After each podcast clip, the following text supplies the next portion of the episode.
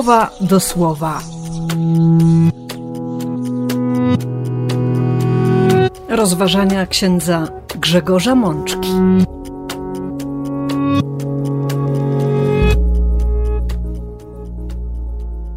Pierwsza niedziela Adwentu, rok B.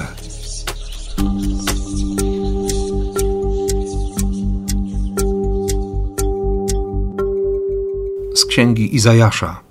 A jednak, panie, ty jesteś naszym ojcem.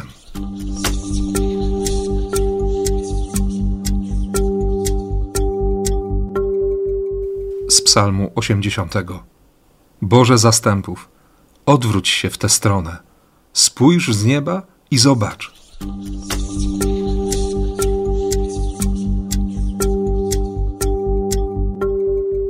Z pierwszego listu do Koryntian. Godny wiary jest Bóg, od którego otrzymaliście powołanie do wspólnoty Jego Syna, Jezusa Chrystusa, Pana naszego.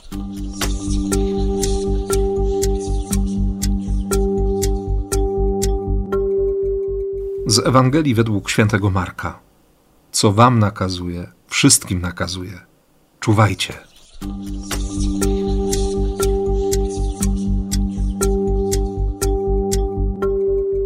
Siostry i bracia, chciałbym zacząć dzisiejsze nasze spotkanie przy słowie od życzeń. Wszak to pierwszy dzień roku liturgicznego, pierwsza niedziela Adwentu. Dlatego właśnie życzę Wam szczególnego doświadczenia Bożej bliskości. Życzę Wam miłości do Eucharystii, zasłuchania w Słowo Boga. Życzę Wam, byście widzieli wszystko, co się wydarza, jako dar, jako okazję, jako szansę, by kochać, jako wezwanie do miłości lub wyzwanie miłości. Życzę Wam łaski bo nikogo z nas nie trzeba przekonywać, że, że my łaski Bożej potrzebujemy, że chcemy żyć z łaski. I absolutnie to stwierdzenie nie deprecjonuje nas, ale pozwala nam żyć świadomością, mocną świadomością, że jesteśmy dziećmi Boga, nie jesteśmy byle kim w tym świecie. Co więcej, to jest Bóg, który chce być przez nas nazywany Ojcem. On chce, żebyśmy się tak do Niego zwracali. Dobrze wiecie, siostry i bracia, że, że Pan przygotowuje dla nas całe tygodnie łaski. On jest tym, który chce nas obdarować wszystkim. Naprawdę wszystkim, co potrzebne, byśmy przyjęli zbawienie, byśmy uwierzyli, byśmy przekonywali się każdego dnia, jak dobry jest ten, który nas powołał do istnienia i który chce dla nas nieba. A ponieważ tak bardzo nas kocha, to staje się jednym z nas. Już za kilka tygodni będziemy po raz kolejny przypominać sobie, że, że Słowo stało się ciałem, że rozbiło swój namiot między nami, pośrodku nas, nie gdzieś na obrzeżach naszego życia, ale w samym centrum, by można było wejść wziąć tyle błogosławieństwa, ile potrzeba i iść dalej. I wracać, wracać, wracać, za każdym razem wracać, gdy, gdy widzimy, że, że tej łaski zaczyna nam brakować, żeśmy ją zmarnowali, że, że się życie potoczyło inaczej, to znaczy dokonaliśmy błędnych wyborów albo odczuwamy skutki czyichś złych decyzji. I dlatego właśnie Bóg nieustannie będzie nam przypominał o tym, że że jest Ojcem. To pierwsze sensowne złożenie dwóch e, liter w języku hebrajskim, alef i bet, które otwiera nam cały leksykon języka hebrajskiego, słowo ab, ojciec. To jest wezwanie do relacji. I o tym mówi nam dziś przede wszystkim to pierwsze czytanie. Czytanie, które otwiera nam całą liturgię Adwentu. W ostatnim wersecie tego czytania czyli w siódmym wersie 64 rozdziału proroctwa Izajasza, przeczytamy: A jednak, panie, ty jesteś naszym ojcem, a my wszyscy jesteśmy gliną i dziełem rąk twoich. Co prawda, wcześniejsze wersety wyrażają ogromne rozczarowanie proroka. I sobą jest rozczarowany, i, i swoimi rodakami, bo ten wybrany lud wcale nie jest zainteresowany uznaniem swojego stwórcy swojego wybawiciela jako ojca. Przeciwnie, odnoszą się do niego z dystansem, jakoś urzędowo, ale przede wszystkim lekceważąco, bez właściwego szacunku. Zresztą ten naród pójdzie o krok dalej. Próbuje na własną rękę wypełnić tę pustkę, która powstała po odrzuceniu Boga. Wybierają grzech, wchodzą w relacje z bożkami. Ten naród rości sobie nawet prawo do buntu. Najwyższego oskarżał brak troski, o cofnięcie miłosierdzia.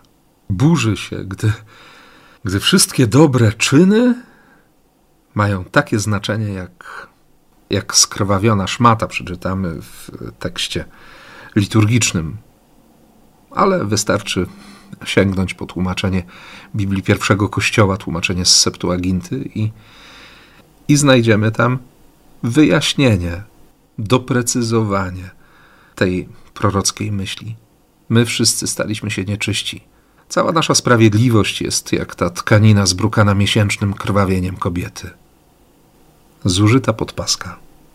Czy Bóg tak myśli o naszych dobrych czynach? Na pewno nie chce tak myśleć, nie chce tak widzieć tego, co robimy. Ale może gdzieś zgubił się ten szacunek, bojaźń, miłość. No właśnie, zgubiła się miłość. Wtedy bardzo łatwo o zgorszenie Bogiem.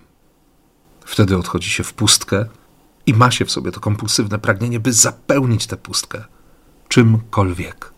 A przecież chyba każdy z nas przekonał się, że, że to nie zdaje egzaminu, że to nas prowadzi do jeszcze większego cierpienia, jeszcze potężniejszych udręk. Dlatego ten siódmy werset, ostatnie zdanie dzisiejszego czytania jest tak ważne. Pan daje nam kolejny adwent naszego życia, byśmy zobaczyli raz jeszcze, że jesteśmy kochani że dobrze być zależnym od Boga. I wcale nie chodzi o żadne zniewolenie, o oddanie swojej wolności, o zrzeczenie się prawa do, do samostanowienia. Tu o miłość chodzi.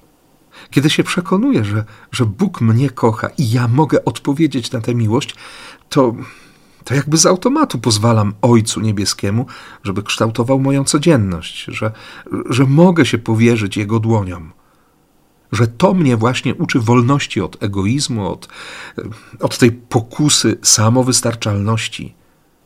Że przypomina mi, że to właśnie przypomina mi również, że wcale nie jest konieczne być pierwszym zawsze i wszędzie, co zbyt, co nazbyt często wiąże się ze strąceniem Boga czy zepchnięciem Boga na drugi, trzeci albo jakikolwiek inny plan życia.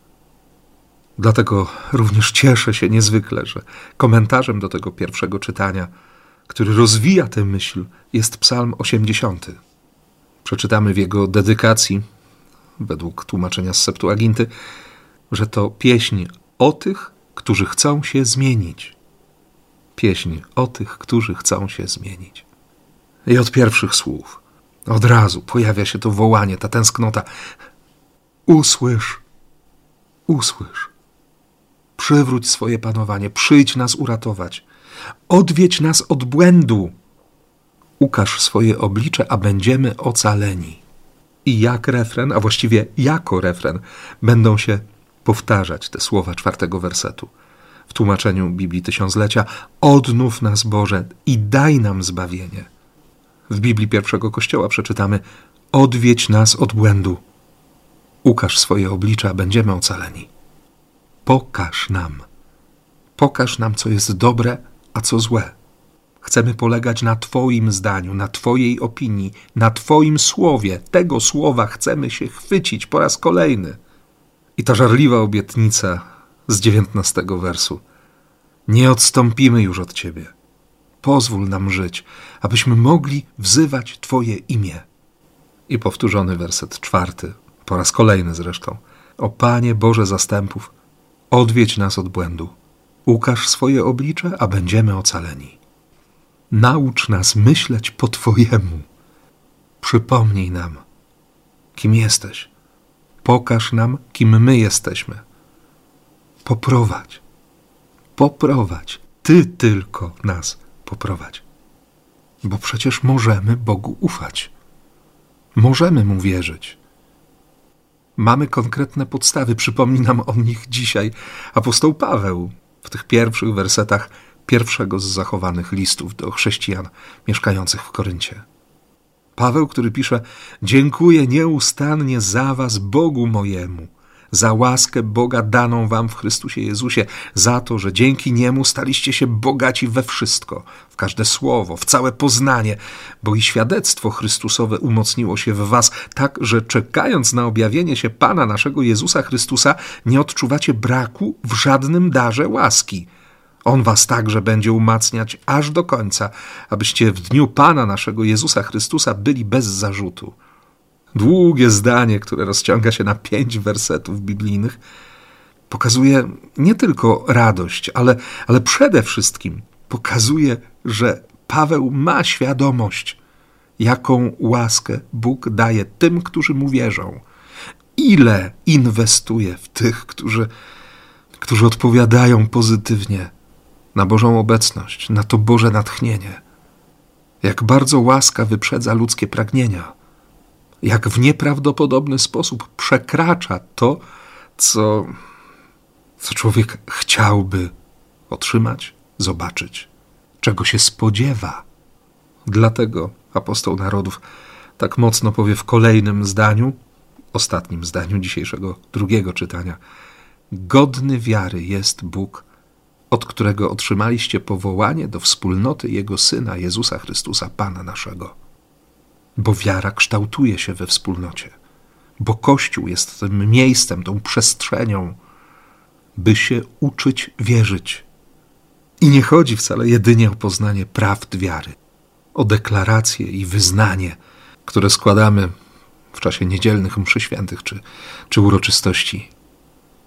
Chodzi o doświadczenie wspólnoty Chodzi o drogę, o proces, o relacje chodzi. Bo wiara jest relacją. Otwiera nas na relacje. I między sobą, i, a może przede wszystkim, z Bogiem. Bo to od Niego otrzymaliśmy to powołanie do wspólnoty Kościoła. Kościoła Jezusa Chrystusa. I wiemy dobrze, że ten Kościół nie jest wymysłem ludzkim, ale, ale to Bogu zależy, by nas zbawić w tej wspólnocie i przez tę wspólnotę. Dlatego siebie nawzajem mamy, mamy budzić ciągle do, do czuwania, mamy podnosić, mamy mobilizować, by wybierać błogosławieństwo. Kto jak kto, ale Chrystus doskonale zdaje sobie sprawę z tego, jak, jak to potrzebne, jak nam to jest potrzebne. Dlatego dziś tak mocno powie – Uważajcie, czuwajcie, uważajcie na siebie.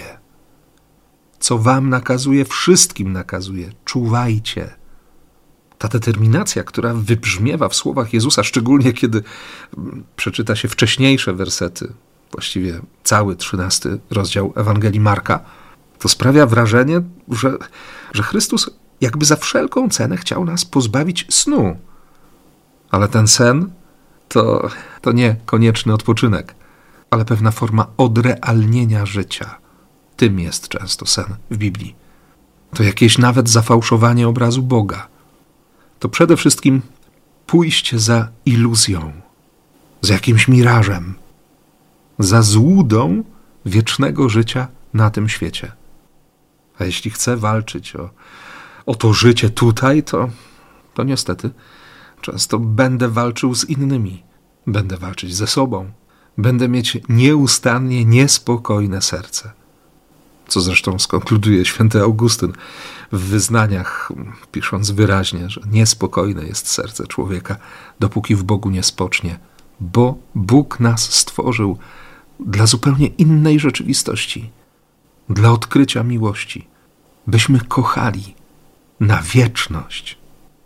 A niestety diabeł próbuje nam to wszystko, mówiąc trochę kolokwialnie, wybić z głowy, sprawić, byśmy o tym zapomnieli i, i uciekamy od tego, co istotne.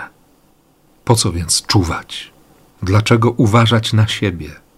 Jezusowi chodzi o to, byśmy, byśmy przejęli się sobą, byśmy zgodzili się na siebie. Bo dobrze wiemy, że, że nie da się w sposób autentyczny trwać na modlitwie przed Bogiem albo budować prawdziwe relacje z ludźmi, jeśli brakuje nam czasu, by posiedzieć sam na sam ze sobą. Jest taka stara praktyka modlitwy, o której już wiele razy mówiłem i, i co bardzo często przypomina papież Franciszek. Żeby dobrze przeżyć Eucharystię, trzeba przynajmniej godzinę wcześniej trwać w milczeniu. Bo chodzi o to, żeby się spotkać ze sobą i wytrzymać ze sobą. Wtedy, wtedy nie ucieknie się ze spotkania z Bogiem. Pewnie, że, że rzadko kto ma taką możliwość na co dzień, czy nawet w niedzielę, przy układzie mszy świętych, jakie mamy w kościołach, również przy tych temperaturach, które już panują za oknem. Ale dobrze jest o tym pamiętać. Dobrze jest prosić o, o to trwanie bez snu, bez wiary iluzjom, bez odrealnienia i przede wszystkim bez fałszywego obrazu Boga. Prosić o to podczas mszy świętej, podczas codziennej modlitwy, bo Bogu naprawdę zależy, byśmy Go poznali, byśmy dobrze wykorzystali to życie, byśmy byli szczęśliwi. Nasz Ojciec Niebieski, który widzi w ukryciu, który słyszy w ukryciu, znajdzie sposób, by, by nam pomóc. Szczególnie gdy, gdy naprawdę będziemy go traktować jako Ojca, gdy uczynimy go przez nasze postępowanie, przez nasze zaufanie wiarygodnym w tym świecie.